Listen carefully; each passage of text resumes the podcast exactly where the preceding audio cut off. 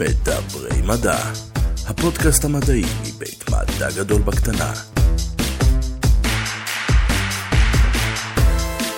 שלום וברוכים הבאים לעוד פרק של מדברים מדע, הפודקאסט המדעי מבית מדע גדול בקטנה. יוחאי, מה שלומך? שלומי מצוין, אבל הים פחות. אז uh, על מה אנחנו מדברים היום? אנחנו מדברים על המגפה הגדולה, המגפה שקורית היום בקיפודי הים. נושא מאוד חם, מתרחש בימים אלו.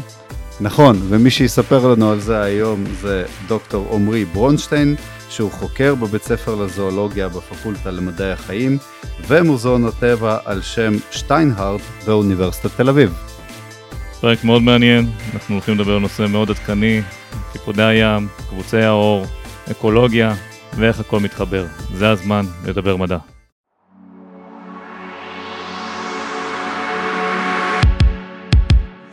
דוקטור עמרי ברונשטיין, שלום, ברוך הבא לפודקאסט שלנו. שלום ותודה רבה. אז uh, יש לנו נושא מאוד חם היום, uh, אני חושב שנוגע לי uh, אישית, נושא של קיפודי הים, אם אתה יכול אולי להסביר בכותרת את תחום המחקר העדכני שלך. אז המעבדה שלי עוסקת בתחום רחב יותר שנקרא אקולוגיה מולקולרית. במילים אחרות, אנחנו משתמשים הרבה מאוד ב... כלים מולקולריים גנטיים כדי לשאול, או יותר נכון כדי לענות, אה, על שאלות אקולוגיות. אה, זה כלי שנעשה בו שימוש אה, הולך ומתרחב בשנים האחרונות, הוא באמת מציע פעם ראשונה דרכים ופתרונות להתמודד עם חלק מהשאלות שעד היום לא, לא יכולנו לגשת אליהן בכלל. אז זה, זה בתחום המאוד רחב של מה שהמעבדה שלי עוסקת בו. אה, בתחום של אה, אה, קיפודי הים, אז בכלל קבוצי אור, קבוצי אור מלשון קוצים, שאורם קוצני, זה השם הכללי לקבוצה של בעלי חיים שכולנו מכירים. היא כוללת את קיפודי הים, מלפפוני הים, כוכבי הים, אין פה מישהו שלא ראה בוב ספוג ויודע על מי אנחנו מדברים. אז חבורה של סלבריטאים נכון. ימיים וחיות מודל יוצאות מן הכלל. אני לא בטוח כמה יודעים על uh, מה התרומה של קבוצי האור uh, למחקר, למחקר העדכני, אם, אם לצורך העניין אנחנו מדברים אפילו על uh, הפריות מבחנה, IVF, uh, הרבה מאוד ממה שאנחנו יודעים בתחום הזה, המקור שלו הוא במחקר על לא פחות מקיפודי ים. Uh, אז הן באמת חיות מודל יוצאות מן הכלל, שנעשה בהן שימוש מאוד נרחב כבר הרבה מאוד שנים, uh, ובמקביל הם גם מה שאנחנו קוראים שחקן אקולוגי ראשון במעלה, הם בכל מקום שבו הם מופיעים, הם אה, שחקנים אקולוגיים חשובים ביותר לתפקוד של המערכת אה, ולבריאות שלה. אני לא, לא חושב שאנשים אפילו מכירים מספיק את הבעל חיים עצמו, אז אם תוכל לספר באמת מה, מהו הבעל חיים הזה ובאמת מה חשיבותו באקוסיסטם שהוא נמצא בו. אז שאלה מצוינת ובאמת מקום נכון להתחיל ממנו.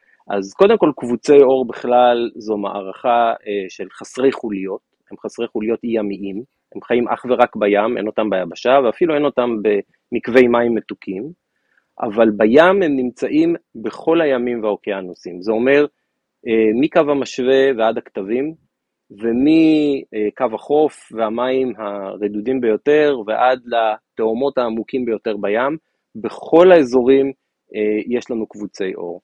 וקבוצי אור אה, זו מערכה גם מאוד קדומה, הם כאן איתנו כבר אה, משהו כמו אה, כ-500 מיליון שנה, אז הם פה וזו מערכה מוצלחת מאוד. ובעצם היכולות, אם תרצו, או הרפרטואר של ההתנהגויות והתפקוד של בעלי החיים האלה זה באמת יוצא מן הכלל. יש צמחוניים, שנדבר עליהם בהמשך אני מניח, למשל קיפודי הים, יש טורפים, כוכבי הים הם טורפים, מלפפוני הים יאכלו את הדטריטוס, את ה... יסננו למעשה את החול שבים, יש אה, אגדה אורבנית שאומרת שכל החול בים עבר לפחות מספר פעמים במערכת העיכול של מלפפון ים כלשהו. אה, חומר למחשבה בפעם הבאה שאתם בונים ארמון בחול. אה, ובכל מקרה,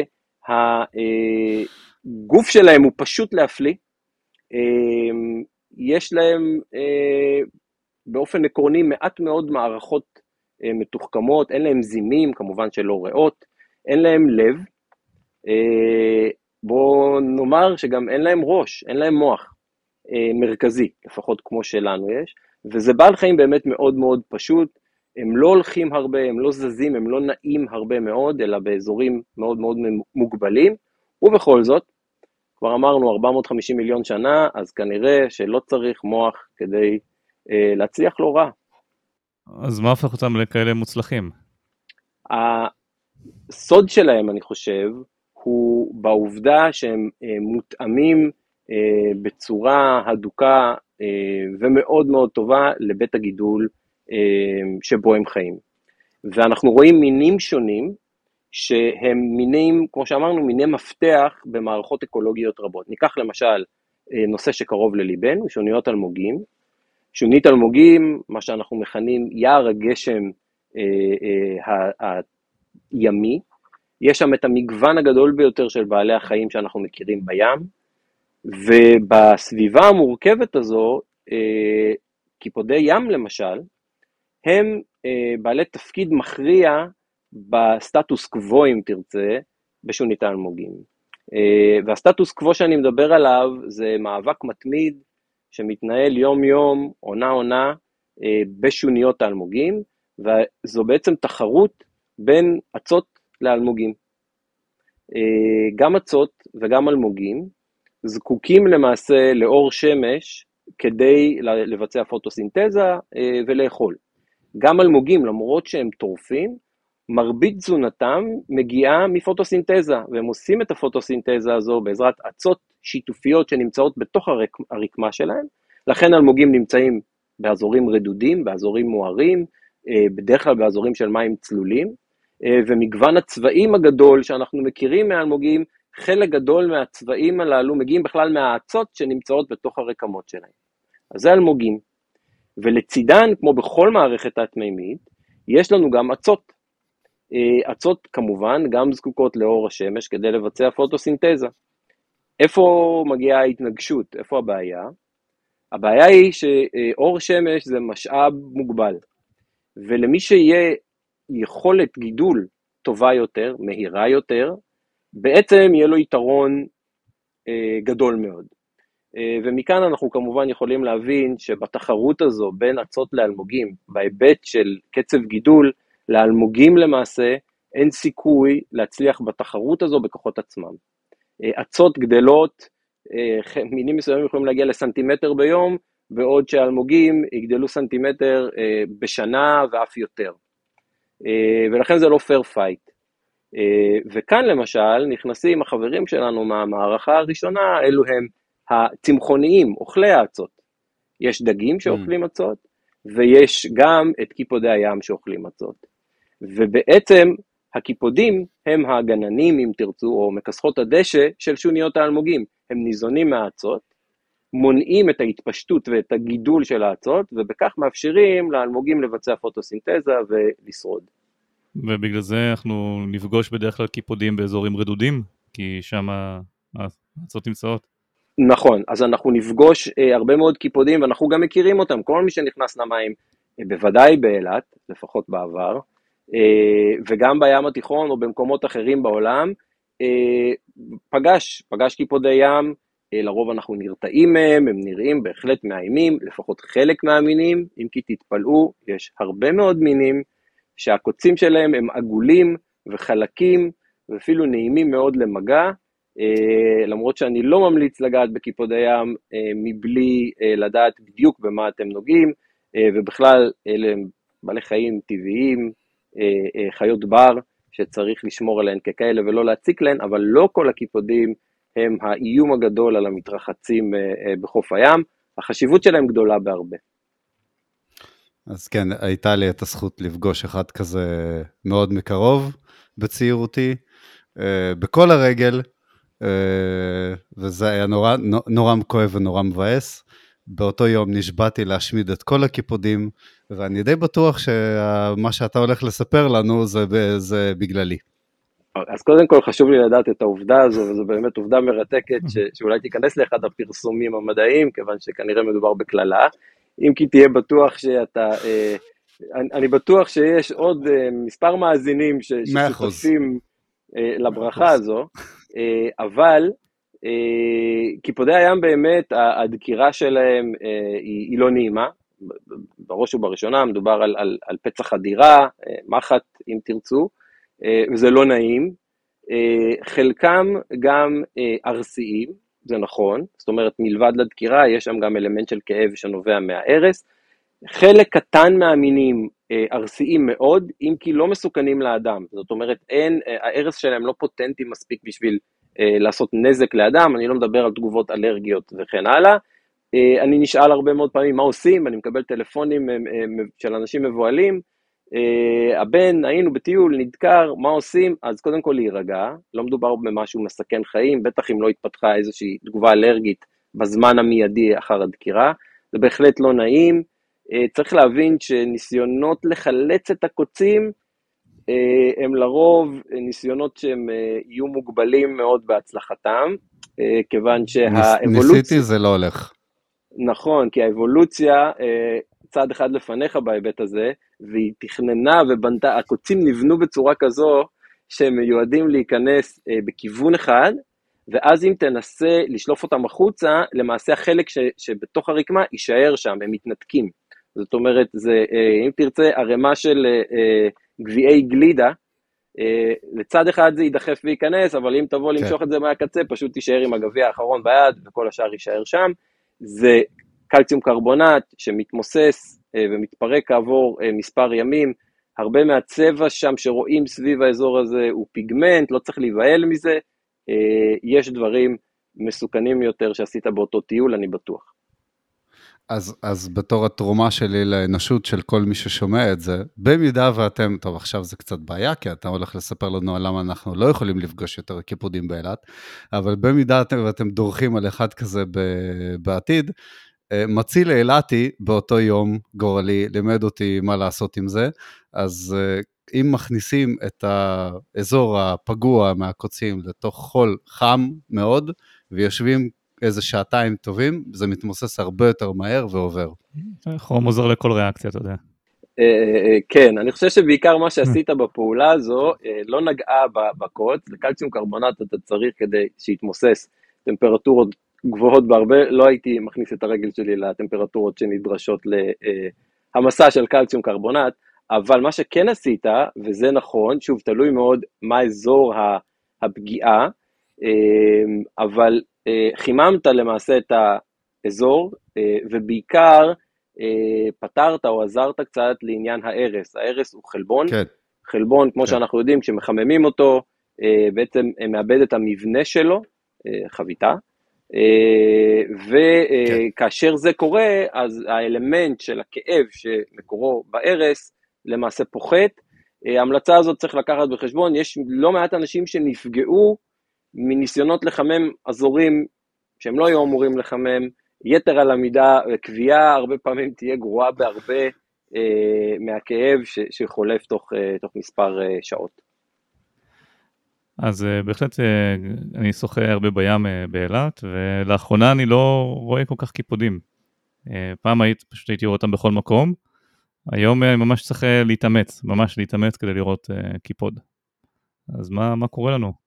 נכון, אז פה, פה הגענו, uh, קפצנו, uh, קפצנו למים, אתה אומר, אתה מזכיר את אילת, אז, אז מי שמטייל לאורך החופים באילת, באזור החוף הצפוני ומקומות אחרים, עוד יוכל מדי פעם להיתקל בשלטים.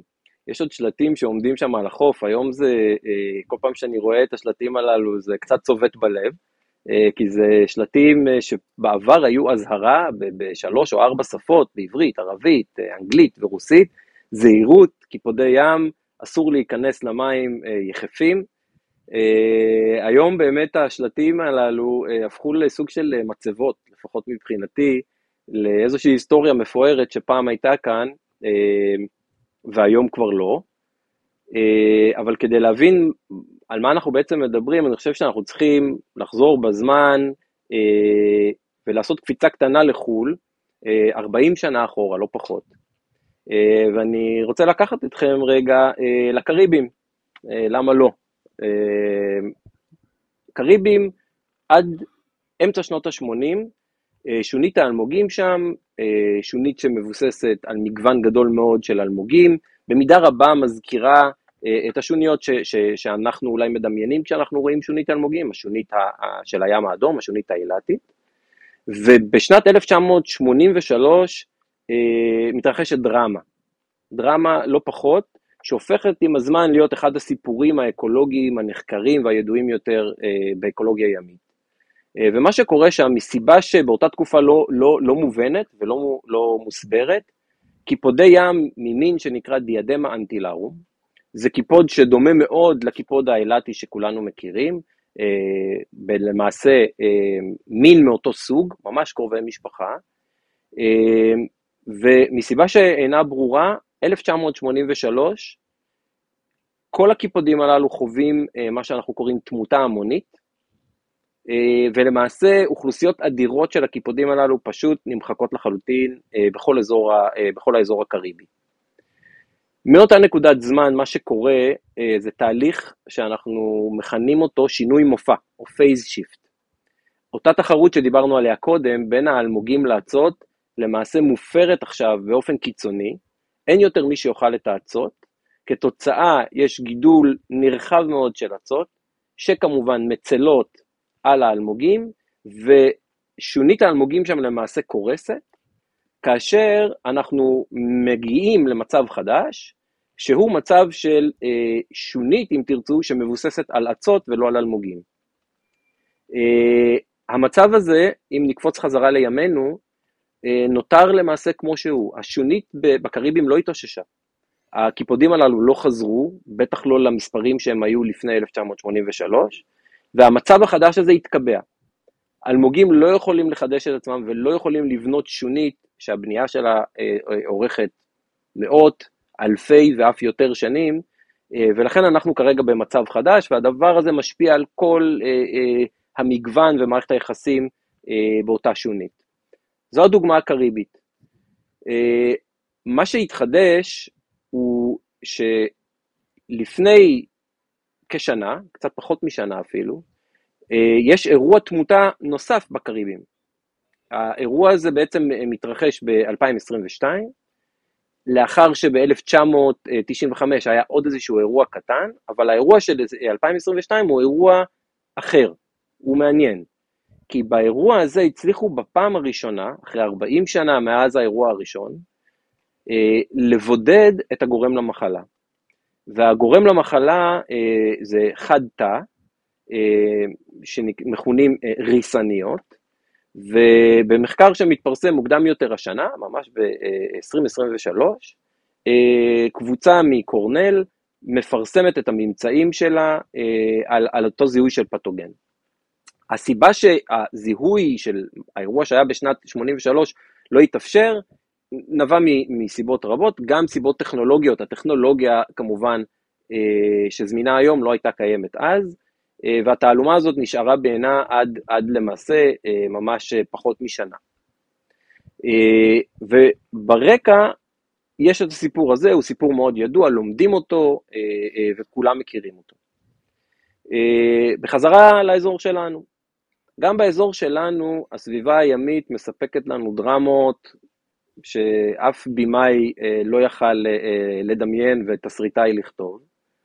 אה, וגם באזורים שלנו יש שינויים אה, מאוד מאוד גדולים.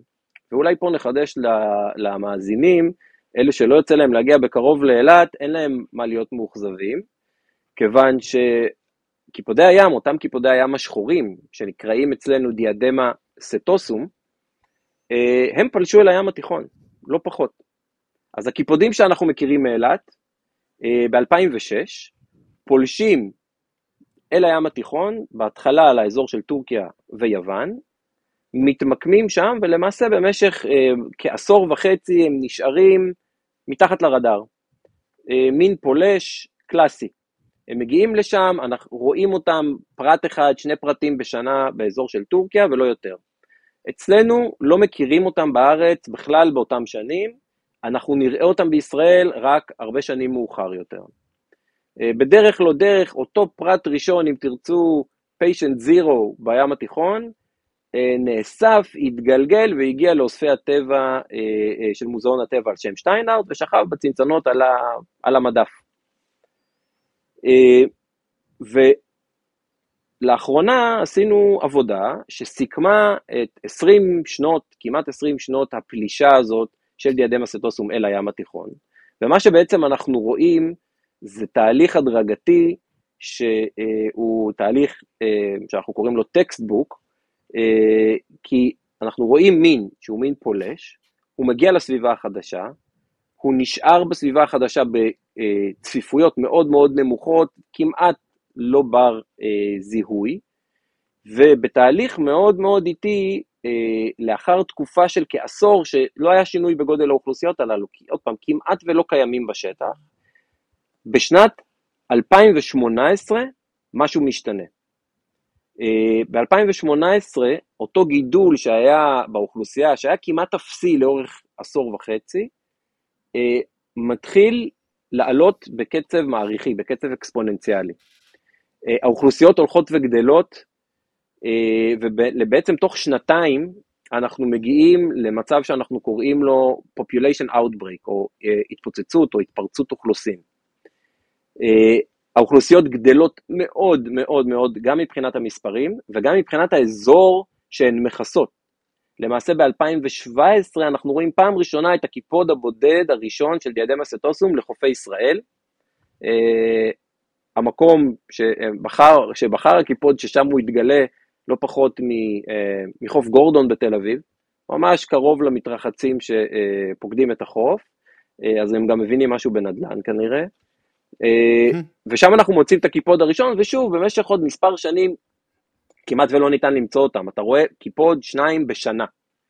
אבל מ-2018 אותה עלייה מעריכית מייצרת אוכלוסיות ענק. אנחנו מדברים על אתרים באזור של דרום טורקיה ודרום יוון של אה, אלפי ועשרות אלפי קיפודים כאלה, מרבדים שחורים כמו שהכרנו מהימים הטובים, צריך לומר, של מפרץ אילת, רק שבים התיכון כמובן אנחנו מדברים על מין פולש. זה לא שחקן מקומי, וכמו שאנחנו יודעים על קיפודי ים, ובטח על קיפודי הים הללו, הם לא אה, שחקן משני. הם אוהבים, אוהבים מאוד את ה front stage. אה, ובעצם אנחנו מתארים במהלך העבודה הזו את כל אה, אירוע התפרצות האוכלוסין, אנחנו מראים שהם מסוגלים להתרבות ולהתרבות בהצלחה רבה בים התיכון, אנחנו עושים עבודה גנטית שמראה שבאמת מדובר באוכלוסייה שהגיעה מהים האדום. אנחנו גנטית יודעים שהאוכלוסייה בים התיכון האוכלוסייה בים האדום אה, זו למעשה אותה אוכלוסייה, ולכאורה אנחנו חושבים שהסיפור שלנו, מסכמים את המאמר, מגישים את העבודה הזו, אה, והולכים לעבוד על הפרויקט הבא. אבל בזמן שהעבודה הזאת נמצאת בשיפוט ובהערכה מדעית, אנחנו מתחילים לקבל אה, דיווחים מקולגות שלנו בים התיכון, שמשהו מוזר קורה. שוב פעם, באזורים האלה של דרום טורקיה ויוון. ושם הם מתחילים לשלוח לנו תיעודים של תמותה, של שלדים של קיפודי ים, מימין דיאדמה סטוסום, באזורים שהולכים ומתרחבים אה, מהר מאוד. אה, ואז אנחנו בעצם מתחילים לעבוד על התופעה החדשה הזו, אה, ומבינים שמדובר באירוע של תמותה המונית אה, של דיאדמה סטוסום, ואז יש לנו כמה דברים חדשים. ראשית, זו פעם ראשונה שאנחנו יודעים בכלל שגם דיאדמה סטוסום, יכולים לעבור אירועים של תמותה המונית. אנחנו רואים שיש לנו פה אה, אירוע שהוא מתרחש בים התיכון, זו פעם ראשונה שאנחנו מכירים אירוע מהסוג הזה בים התיכון כמובן. אה, זו פעם ראשונה למעשה שזה לא באטלנטי בכלל, אלא שזה נע מזרחה אם תרצו. אה, ו- ואנחנו בודקים גם אה, ומניחים כמה היפותזות לגבי יכולות המעבר, איך המחלה הזאת מתפשטת או איך התמותה מתפשטת.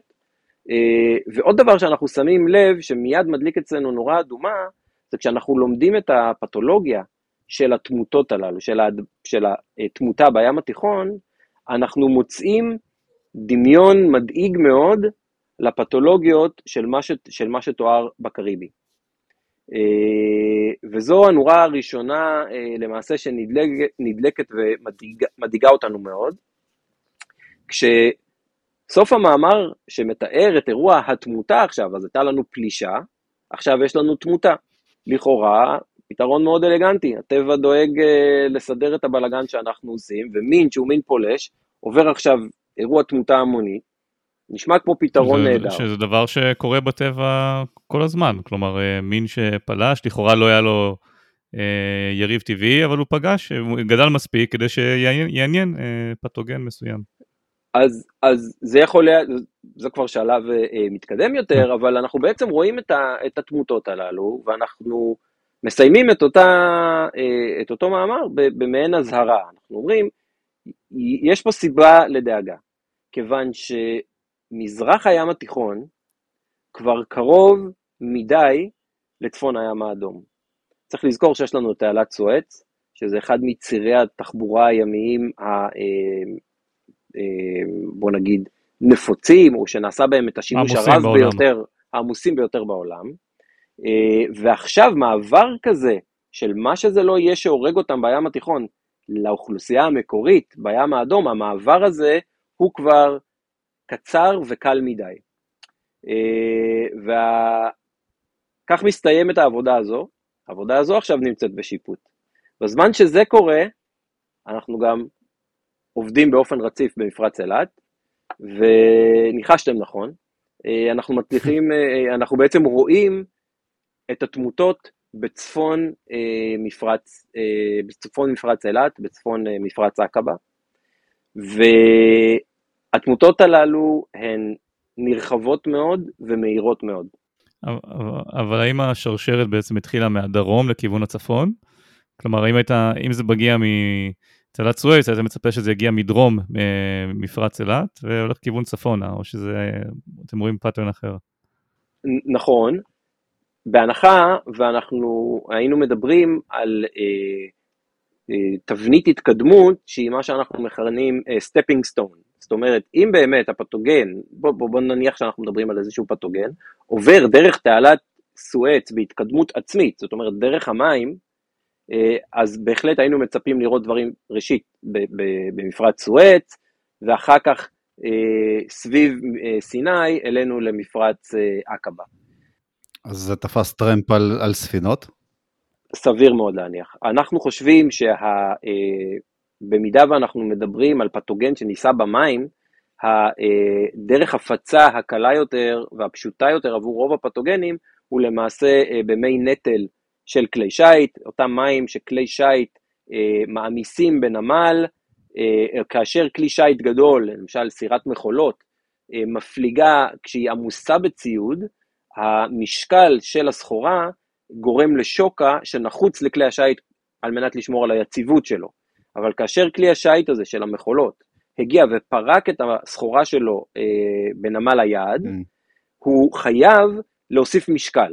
איך הוא מוסיף משקל? הוא ממלא מים בבטן הסירה, המים הללו עוזרים לשוקה, כך כלי השיט מפליג עכשיו, אז הוא דגם כמויות אדירות של מים מהסביבה האחרונה שבה הוא היה, מהנמל האחרון שבו הוא היה, מפליג דרך תעלת סואץ, מגיע עכשיו לכל נקודה בים האדום לצורך העניין, שנייה לפני שהוא ייכנס להעמיס את הסחורה החדשה, הוא יפרוק את המים שיש בתוך הסירה, והנה העברנו אה, עשרות אלפי ליטרים של מי ים מטורקיה לצורך העניין, למפרץ אילת או לכל מקום אחר בעולם. אז זו הדרך שאנחנו חושבים אה, שההפצה על פני מרחקים כאלה נעשית, אבל מה אנחנו בעצם אה, אה, רואים בשטח? ו- ואיך אנחנו מצליחים לראות את זה. אז ראשית, אנחנו מקיימים סקרים קבועים של המעבדה שלי במספר אתרים לאורך מפרץ אילת,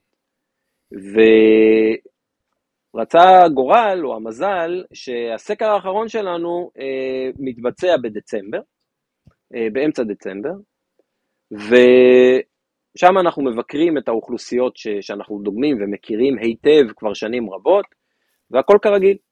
כל כך כרגיל שאחד האתרים בצפון מפרץ אילת, שובר הגלים שמול אה, מלון הרודס, אה, הוא אתר שלנו. יש שם את המרינה, את ה... נכון. את ה... אה, לא מרינה, יש לגונה, וזה נכון. תמיד היה מרוצף בקיפודים. אני...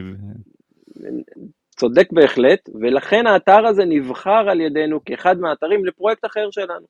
פרויקט שעוסק בתחום ש, שאנחנו קוראים, שמכונה DNA סביבתי, שוב פעם, שימוש בגנטיקה כדי ללמוד על תהליכים אקולוגיים, שלמעשה מה שאנחנו עושים שם, מלבד הסקרים הוויזואליים בצלילה, שאנחנו צוללים, סופרים כמה קיפודים יש למטר מרובע וכן הלאה, אנחנו גם דוגמים על בסיס שבועי, ובעונות הקיץ על בסיס יומי, אנחנו דוגמים מים מאותו אתר, במטרה לזהות ולאפיין את ה-DNA שנמצא בתוך המים. עכשיו, למה זה מעניין?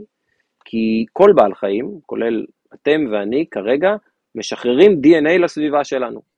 בין אם זה לאוויר, לכיסא שאתם יושבים עליו, אם אתם שוחים בים, בדיוק אותו דבר, וכך גם כל בעלי החיים.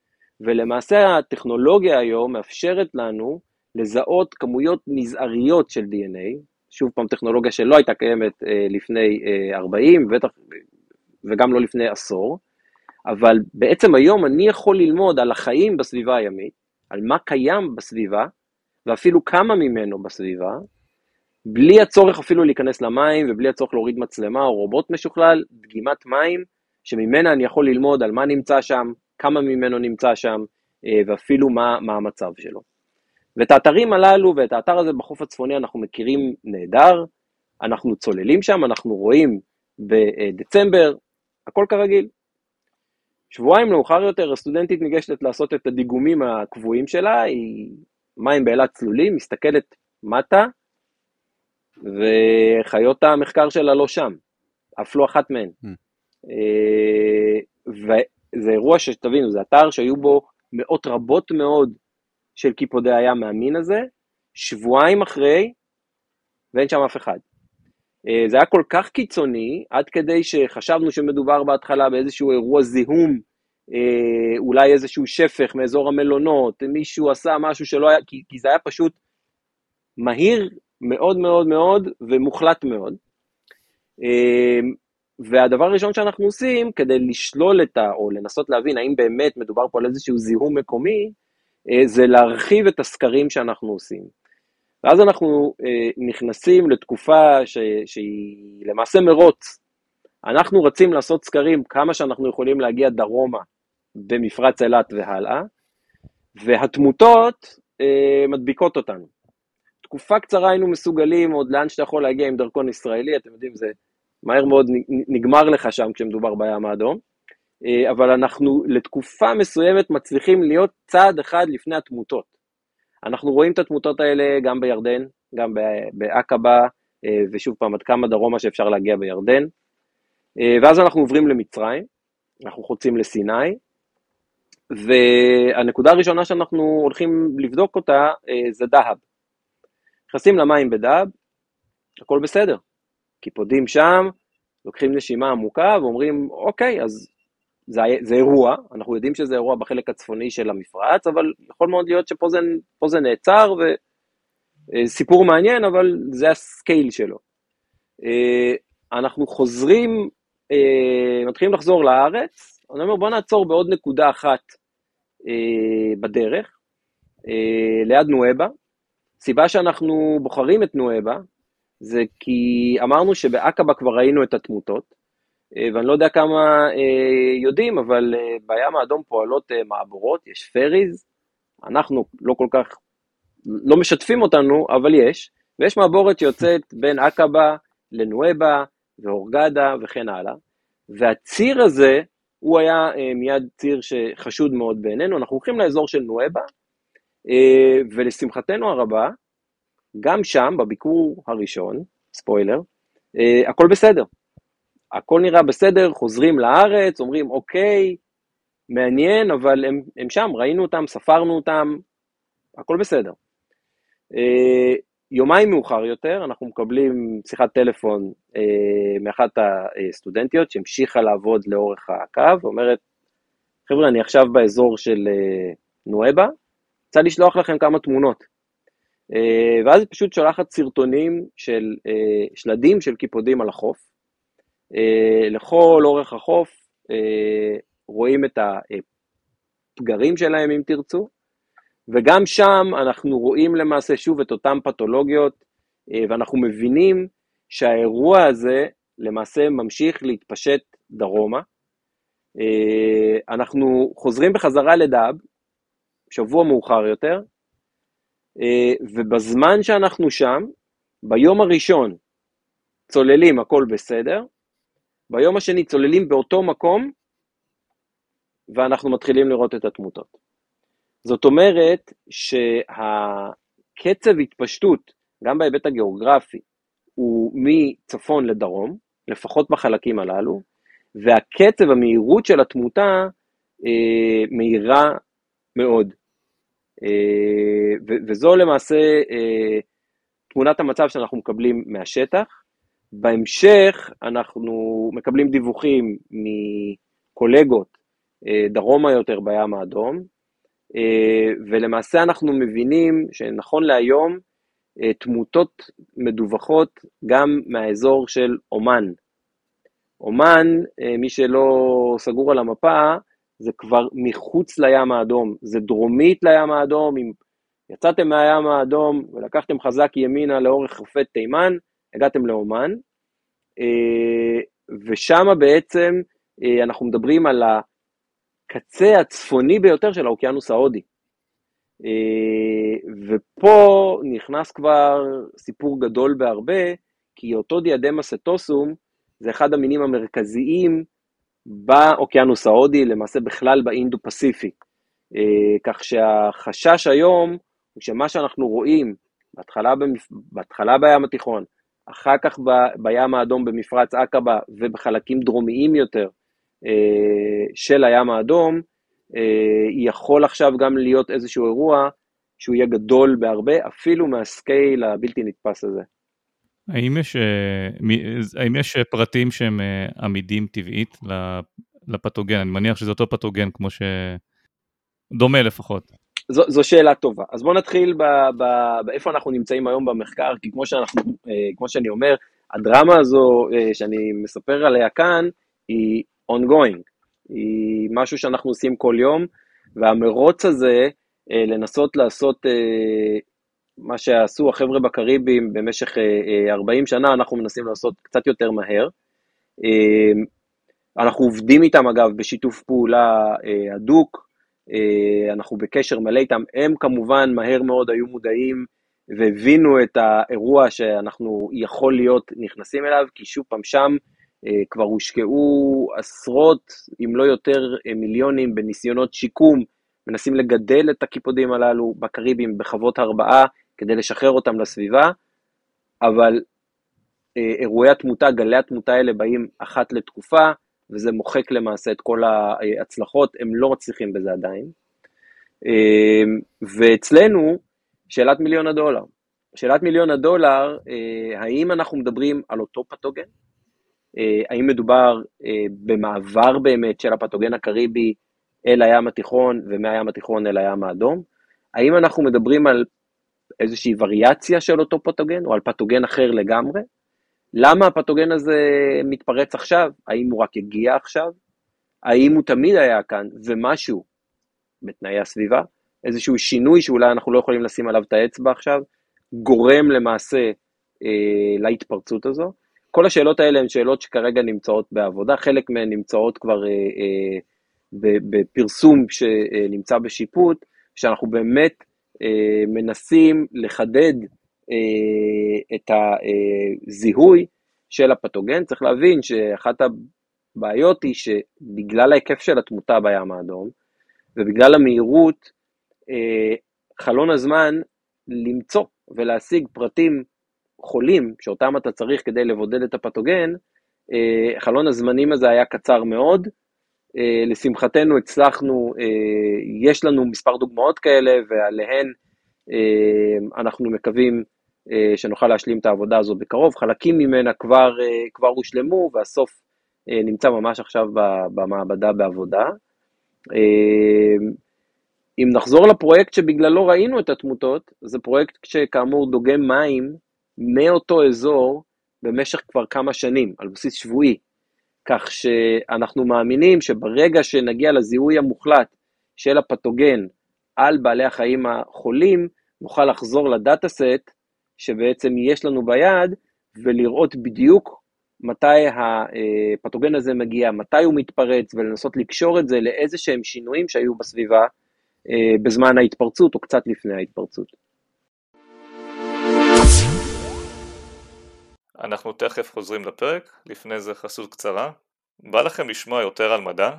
עמותת מדע הגדול בקטנה מציעה הרצאות מומחים במגוון תחומים מדעיים, יכולות להתקיים בפעילויות העשרה, בתי ספר ובמקומות העבודה. לפרטים או הזמנות, כנסו לאתר האינטרנט www.lbscience.org/contact-us וכמובן אם אתם גם רוצים לפרסם אצלנו אתם יכולים לשלוח פנייה לאותה כתובת. אבל חוץ, חוץ מלעקוב אחריהם, יש משהו לעשות עם זה? זאת אומרת, כשאתם נסעתם למצרים אה, ורציתם לבדוק מה קורה, הייתה דרך לעצור את זה שם, או שאתם פשוט נסעתם לראות מה קורה?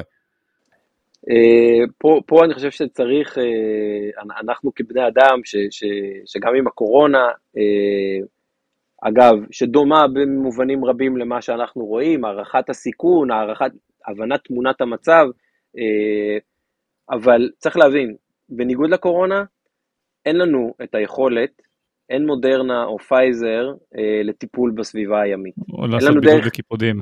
לחסן אותם או לבודד אותם, מהסיבה הפשוטה שאנחנו לא יודעים על זה מספיק, ואם להודות על האמת, קצת צניעות אה, של בני אדם זה אף פעם לא דבר רע, אבל זה גדול עלינו בהרבה מאוד מידות. אנחנו לא יודעים לטפל במגפות ובמחלות כאלה, אה, בטח לא בים, גם ביבשה הטיפול שלנו לרוב מסתכם בהשמדה של, אה, של מי שנגוע או פגוע, ובים, שזו סביבה שהמעבר בה הוא אמ, קל מאוד, זרמים, פתוגן יכול לעבור דרך זרמים, הוא יכול לעבור דרך בעלי חיים אחרים, דג שאכל קיפוד חולה יתקרב לקיפוד בריא, יש לך הדבקה. אה, וכן הלאה. בעלי חיים שנוטים להיות ולהתקבץ לאגרגציות ידביקו אחד את השני, אה, ולכן אין לנו דרך לטפל.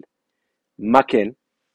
אה, אז ראשית, אנחנו צריכים ללמוד ולהבין מה זה ולמה זה קרה. אם נצליח למשל להבין שמדובר בכלי שיט או בכלי שיט מסוימים, שהם אלה שהעבירו את המחלה, שוב פעם, זו מחלה אחת, זה פתוגן אחד, יש עוד רבים כאלה בים, והקישוריות הזו שיש לנו ואנחנו מכירים אותה היטב מהאוויר, היא עוד גדולה יותר כשאנחנו מדברים על הים, אה, ואנחנו לא עושים בזה מספיק. הרגולציה שם כמעט ולא מטפלת בדברים הללו. אולי באמת צריך רגולציה לסינון אה, הפלט סינון או טיפול, כן. אה, אם כן. כי אה, במסגרת העבודה הזו אנחנו גם רואים, אפרופו טיפול במים, אה, אחד ההיבטים של התופעה הזאת שהצביעו על העובדה שאנחנו מדברים פה על משהו מאוד ספציפי, שלא מתאים לזיהום, אלא מתאים יותר לפתוגן, מדבר על זה שבמהלך העבודה שלנו,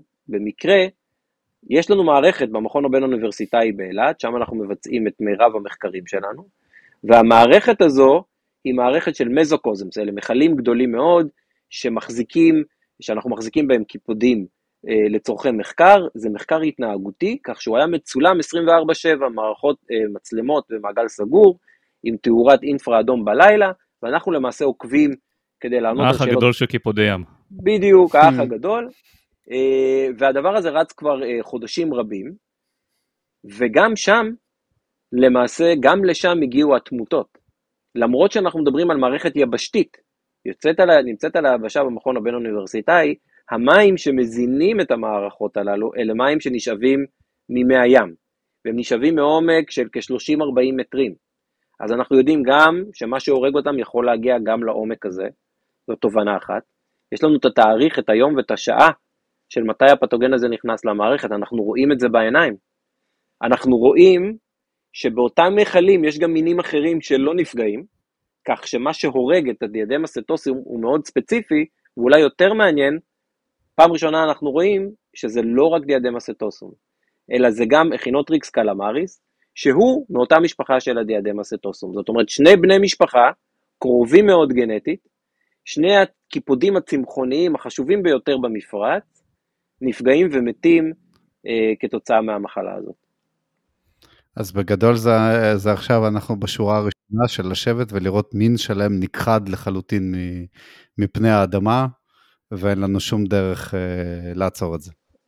אז, אז, אז אני חושב שלא, לא הכל אבוד, ויש לנו עדיין דברים שאנחנו יכולים לעשות, ואם רצינו דרמה, אקולוגית, כמו שרק הטבע יודע לספק, אז בואו נחזור רגע לאיפה שהיינו בהתחלה. יש לנו את דיאדמה סטוסום, זה מין חשוב מאוד במפרץ אילת, הוא מין שהוא קריטי לבריאות השונית. אה, בטח ובטח בתקופה שאנחנו מדברים על אתגרים רבים לשונית האלמוגים באילת, בואו לא נשכח, שאר הבעיות של השונית באילת לא הפסיקו כי יש עכשיו דרמה גדולה עם קיפודי הים.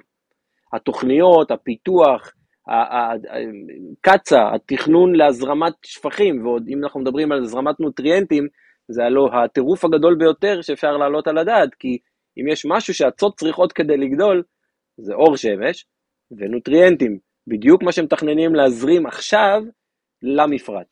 אז זאת תהיה אה, טעות איומה בעיניי, אה, אבל בים האדום למעשה בחלק שלנו כבר איבדנו חלקים אדירים מהאוכלוסייה. זה נכון, יש בודדים שנשארו, מאוד מעניין למה הם נשארו, האם הם היו עדיין לארוות, האם הם היו צעירים במים, שהתגייסו, הגיעו לשונית והפכו להיות בוגרים רק מאוחר יותר, אחרי שאיזשהו גל חלף? אה, האם זו באמת איזושהי קריאה שאומרת, אוקיי, אולי זה כן ילך ויתאושש, אה, או שאם נודה על האמת, אוכלוסייה צריכה הרבה יותר ממספר פרטים כדי לשרוד. אוכלוסייה שמבוססת על, על פרטים בודדים, וכבר שני קיפודים כאלה נשארו אה, במצפה התת-ימי באילת. כבר שמעתי שהדביקו להם את הכינוי אדם וחווה, שזה... כמובן. נשמע, נשמע טוב, רק שאף אחד לא יודע בשלב הזה, גם אני לא יודע להגיד אם זה אדם ואדם או חווה וחווה, ובלי שום קשר, אה, משני פרטים וגם מהרבה יותר מזה לא ניתן לאושש ולבסס אוכלוסייה, אנחנו מדברים פה על הצורך בגיוון גנטי שכמובן לא קיים באוכלוסיות mm. מאוד קטנות, אבל אה, הרשע מהמערכה הראשונה שפלש לים התיכון, זוכרים שאמרנו שזה בדיוק אותו אה, קלייד גנטי, זאת אומרת, מי שכיום קיים לנו בים האדום, ואלה שנעלמו לנו, אה, קיים בים התיכון, ונעלמו מהים האדום, למעשה היום יכולים להיות אלה שיצילו פה את, ה, את השעה. כי התמותות בים התיכון הן רק בצפון עדיין, הם עדיין לא הגיעו לאזורים שלנו, להפך. באזורים שלנו, לאורך חופי ישראל, אנחנו עדיין בעקומת הגידול האקספוננציאלית. זאת אומרת, אתם mm. תראו יותר קיפודי ים כאלה בתל אביב, אתם תראו יותר קיפודי ים כאלה באשדוד, אני מקבל סרטונים על בסיס יומי, צוללים ורואים קיפודים שחורים לאורך כל החוף הים תיכוני שלנו. מקס, תרשום, איזה רגל זה היה פעם קודמת? כן, לא, לא בא לי שוב.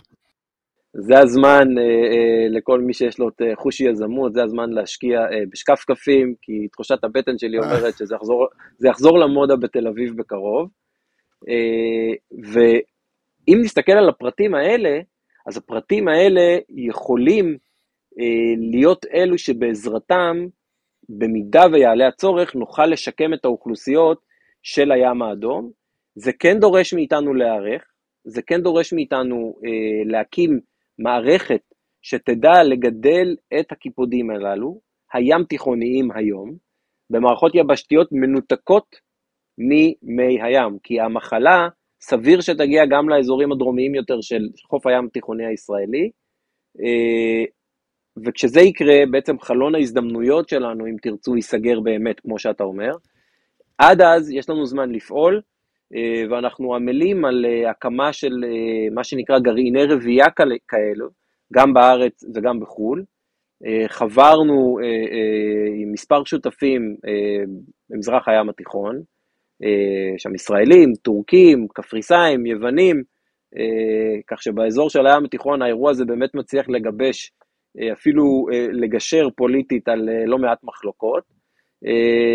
ואני חייב לציין שגם בים האדום הסיפור הזה הוא סיפור ביולוגי ואקולוגי במהותו, אבל כמובן גם פוליטי.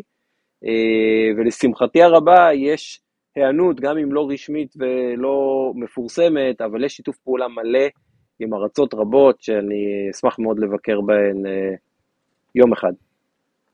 עד כמה שאני יודע, הקיפוד הזה נחשב למעדן ביפן ובחלקים אחרים של אסיה. אני ראיתי בניו זילנד, ראיתי. אז, אז, אה, אז... כן, אז נראה לי יש להם אינטרס מאוד גדול לשימור המין הזה. אני חושב שבהיבט של המין הספציפי הזה, זה נכון שקיפודי ים, אה, תאמינו או לא, נחשבים למעדן. אה, בהרבה מקומות בעולם, אגב, לא רק ביפן, ודאי יפן זה השוק הגדול ביותר, אבל גם בספרד וגם ביוון. ניזונים מקיפודי ים במחירים שיכולים להגיע עד לאלפים כן. רבים של דולרים לקילוגרם, ושוק שמגלגל כמיליארד דולר בשנה, אבל ספציפית הדיאדמה סטוסום שלנו מהים האדום, וזה גם שפלש לים התיכון, לא אוכלים אותו. לא כל המינים אה. אה, טעימים, אני אוקיי. מניח, ולכן החשיבות שלו היא בעיקר בהיבט האקולוגי. אה, שמה mm. זה התפקיד המאוד חשוב שלו, הוא לא מין שניזונים ממנו, ומעבר לזה גם לאורך הים האדום, בוודאי בישראל, אבל גם דרומה משם, קיפודי ים הם לא מהמינים הנאכלים באזורים שלנו. שוב פעם, דרומית לישראל, מלפפוני ים כן. זה מאוד מעניין שמלפפוני ים לא מושפעים, נכון? הם, הם יחסית מאותה משפחה, גם uh, כוכבי ים, אז uh, לא סתם למה זה, זה תצפית מסוימת, זה מאוד מאוד ספציפי לקיפודי ים ממשפחה מסוימת, מזן מסוים. ב- בדיוק, אני חושב שזה עוד יותר ספציפי מזה, מה שמתאים מאוד להתנהגות של פתוגן, כיוון שגם קיפודי ים אחרים, כאמור אצלנו במערכות החזקנו באותו מיכל, אה, והדבר הזה אפילו מצולם. באותו מיכל היו את קיפודי הים, Echinothrix calamaris, אחד מהמינים אה, שכן מת מהפתוגן, ולידו מה שנקרא קטיפן אילתי, Tripneustes gratilla או Tripneustes elatensis, ובאותו מיכל אנחנו רואים מין אחד שחי ולא קורה לו שום דבר, ולידו, ממש מצולם, אנחנו רואים את המוות של אה, ה Echinothrix calamaris, אנחנו רואים את המוות הזה קורה live. אה, וזה פוגע ממש רק במין אחד, ובמין אחר של קיפודים זה לא יפגע. ולכן אנחנו אה, מאמינים שמדובר במשהו מאוד ספציפי. כן, הקטיפן האילתי זה בעצם האדום, עם קוצים העבים. אה, כאן אתה מדבר על העפרונן. הקטיפן האילתי אה, הוא למעשה... נכון, עפרון הפטמות קוראים לזה. נכון. אגב, שמו, כל שמות קיפודי או קבוצי האור כן. בכלל, אה, יצא מילון שערכנו ביחד עם האקדמיה אה, ללשון עברית, אז יש שם את כל השמות המעודכנים של כל קבוצי האור למי שלא יכול להירדם בלילה. נכון, אז הקטיפן זה בעצם הדומים האלה עם הקטנים שמשטוחים? קוצים קצרים, נכון, זה הקטיפן.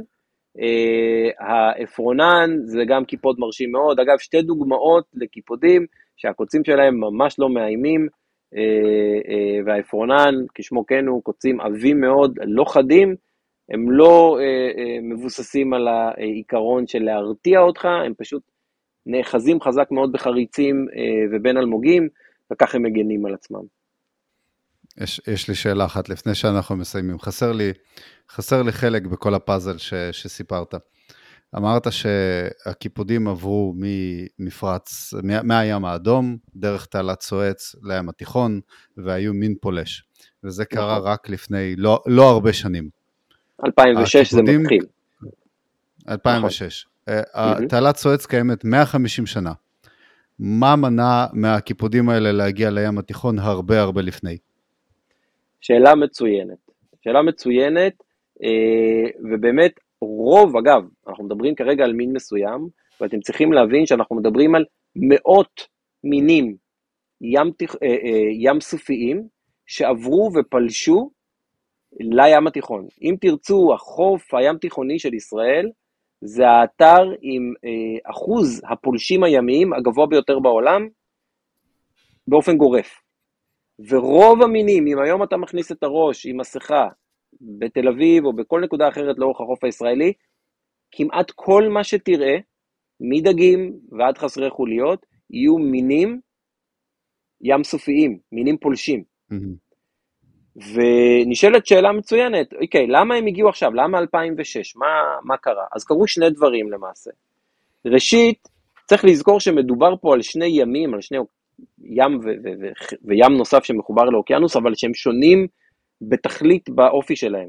מפרץ אילת, אנחנו מדברים על ים טרופי, מערכת טרופית של אלמוגים ודגים טרופיים, שמחוברת אה, לאוקיינוס ההודי, ובים התיכון אתה מדבר על אה, מערכת יותר טמפורלית, מערכת של מים קרים יותר, עם חורפים קרים יותר, והטמפרטורות, השינויים האלה בטמפרטורות, זו גם הסיבה שלמשל אין לנו אלמוגים לפחות לא את שוניות האלמוגים שיש לנו באילת, אנחנו לא רואים את זה בים התיכון.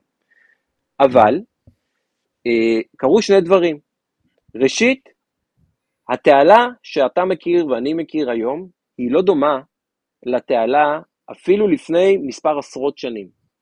לאורך התעלה ולאורך התוואי המקורי של, של התעלה, היו, אה, ויש עדיין, מספר אגמים, שאנחנו קוראים להם האגמים המרים, אז הם היו מרים, וכשאומרים האגמים המרים, מדובר על אגמים גדולים שהתעלה עוברת דרכן למעשה, והם mm-hmm. היו, אה, והכילו ריכוזי מליחות מאוד מאוד גבוהים. דמיין למעשה אה, קרקע שהיא מלוכה לחלוטין, וכאשר התעלה נפתחת, אותם אזורים הם עדיין ברמת מליחות, שאמרו, אוקיי, זה פילטר ביולוגי מאוד יעיל, כי מינים מותאמים ורגישים מאוד לשינויים במליחות, ולמעשה, ברגע שזה מגיע לאגמים המרים, זה פילטר, שום דבר טרופי לא יעבור לא לכיוון הזה ולא לכיוון הזה. רק שהטבע עושה את שלו, ועם הזמן המליחות הזו נשחקה, אם תרצה, והיום המליחות באגמים המרים היא למעשה זהה למליחות שיש לך בים האדום, ובצד mm. השני יש לנו את הים התיכון, אבל אנחנו בים תיכון מיוחד, אנחנו במזרח הים התיכון, ומזרח הים התיכון מאופיין במליחות של מליחות מאוד מאוד גבוהה של המים, נכון? גם אצלנו יש תהליכים של אידוי מאוד חזק, מעט כן. מאוד משקעים, ולכן הים אצלנו, החוף, מי הים בתל אביב, מלוכים בהרבה ממי הים התיכון בספרד ואפילו באיטליה. ואם נחבר את זה למה שכולנו יודעים שקורה בעשורים ובמאות השנים האחרונות, ובעיקר בעשורים האחרונים, וכל התהליך של ההתחממות הגלובלית. וההתחממות הזו למעשה מייצרת מצב שבו מזרח הים התיכון הופך להיות טרופי, זה נקרא טרופיקליזציה. התנאים הסביבתיים עכשיו בים התיכון, במזרח הים התיכון, הפכו להיות כמעט זהים לתנאים הסביבתיים בים הטרופי, בים האדום. ולכן למינים הרבה יותר קל לעבור ולהתבסס בים התיכון לעומת מה שהם היו יכולים אה, לעשות לפני מספר עשורים. זה מאוד מעניין אה, איך הכל מתחבר, כלומר הכל מתחבר לסיפור, לסיפור אימה, אה, אבל יש פה גם אה, פן חיובי, כי אה, אנחנו בפודקאסט שלנו מנסים אה, לקדם ידע מדעי בציבור הרחב, יכולים קודם כל לראות שיש פה, זה, זה ממש מולטי דיסציפלינרי, יש פה המון נושאים מכל עולם הטבע שהכל מתחבר לבנות את הסיפור הזה, אבל הסוף, שהוא עדיין לא הסוף, אנחנו רק באמצע, שההבנה של התהליך תוך כדי גם אולי תאפשר שיהיה פה אולי סוף טוב, אני לא יודע, אני מקווה, אני תמיד אופטימי, אבל זה כאילו שתופסים את זה בזמן, אתה יודע, live, אתה מסתכל על זה, אז אתה מגיב. אז זה, זה ממש ככה, אנחנו, אני כבר נזהר ואני לא אומר אה, סוף הסיפור, כי כל פעם שאמרנו את זה ב, ב, כן. ב, בתקופה האחרונה, גילינו שאנחנו בעוד פרק, או נכנסנו לתוך פרק חדש ועוד תפנית בעלילה, אז אני לא חושב שזה סוף הסיפור, אבל כן יש מקום לאופטימיות, ויש מקום לאופטימיות בכמה היבטים. ראשית, הכלים שעומדים לרשותנו היום לא דומים לכלים שעמדו לרשות הקולגות שלנו, אה, כאמור, לפני ארבעה עשורים וגם לפני עשור. אז אנחנו מצליחים היום אה, לסגור מעגל, כמו שאומרים, הרבה הרבה יותר מהר, אה, וזה תמיד יתרון. שתיים, אנחנו ניזונים מהרבה מאוד אינפורמציה של אה, שותפים שחוו וצברו הרבה מאוד ניסיון, כשאנחנו מדברים להקים גרעין רבייה, קל מאוד להגיד מה זה אומר, מה צריך לעשות, איך עושים את זה, זה הכל ידע שלוקח שנים רבות לפתח. הידע הזה למעשה, בחלק אה, ניכר ממנו, פותח כבר במסגרת האירוע בעיקר שהיה בקריבים, ולכן אנחנו יכולים אה, להשתמש בזה. אה, ועוד נקודת אור שלא צריך לזלזל בה, זה שאני חושב שהרבה מאוד מהשותפים שלנו לים, בטח לאורך הים התיכון, אבל גם לאורך הים האדום, מבינים שבאירוע מהסוג הזה אין פוליטיקה ואין גבולות. בסופו של דבר, פתוגן כזה או אחר, ממש לא מעניין אותו הקונפליקטים שלנו, ובים אין גבולות, אה, ולכן הם כולם רוצים גם לדעת מצד אחד, אה, ולאט לאט אנחנו גם מפשירים לשתף פעולה, אה, וכן אני חושב שנכון שאין הרבה דברים פרקטיים שאנחנו יכולים לעשות כדי למגר פתוגן ולתקן את הדברים האלה, אנחנו צריכים בעיקר להתרכז במניעה אולי, אבל כן, יש לנו יכולת לפחות להבטיח את השרידות של המין הזה בכלים יחסית פשוטים, כך שכאשר התנאים יאפשרו או יבשילו, נוכל אולי להשיב אותם לסביבה, והלוואי וניפגש כאן שוב ואוכל לומר לכם שאני מדווח על צפירת הרגעה והטבע יסתדר וחזרנו לחשוש מקיפודים כרגיל. אז בנימה אופטימית זאת אני רוצה להגיד לך תודה רבה שהתראיינת לפודקאסט שלנו ולמאזינים, אם אתם אוהבים את התכנים בבקשה תפרסמו לחברים שלכם, תעשו subscribe, אם אתם גם רוצים אתם יכולים לשים כמה שקלים ב Patreon שלנו, Patreon LB Science. ועד הפרק הבא, אנחנו נשתמע. תודה רבה. תודה לכם.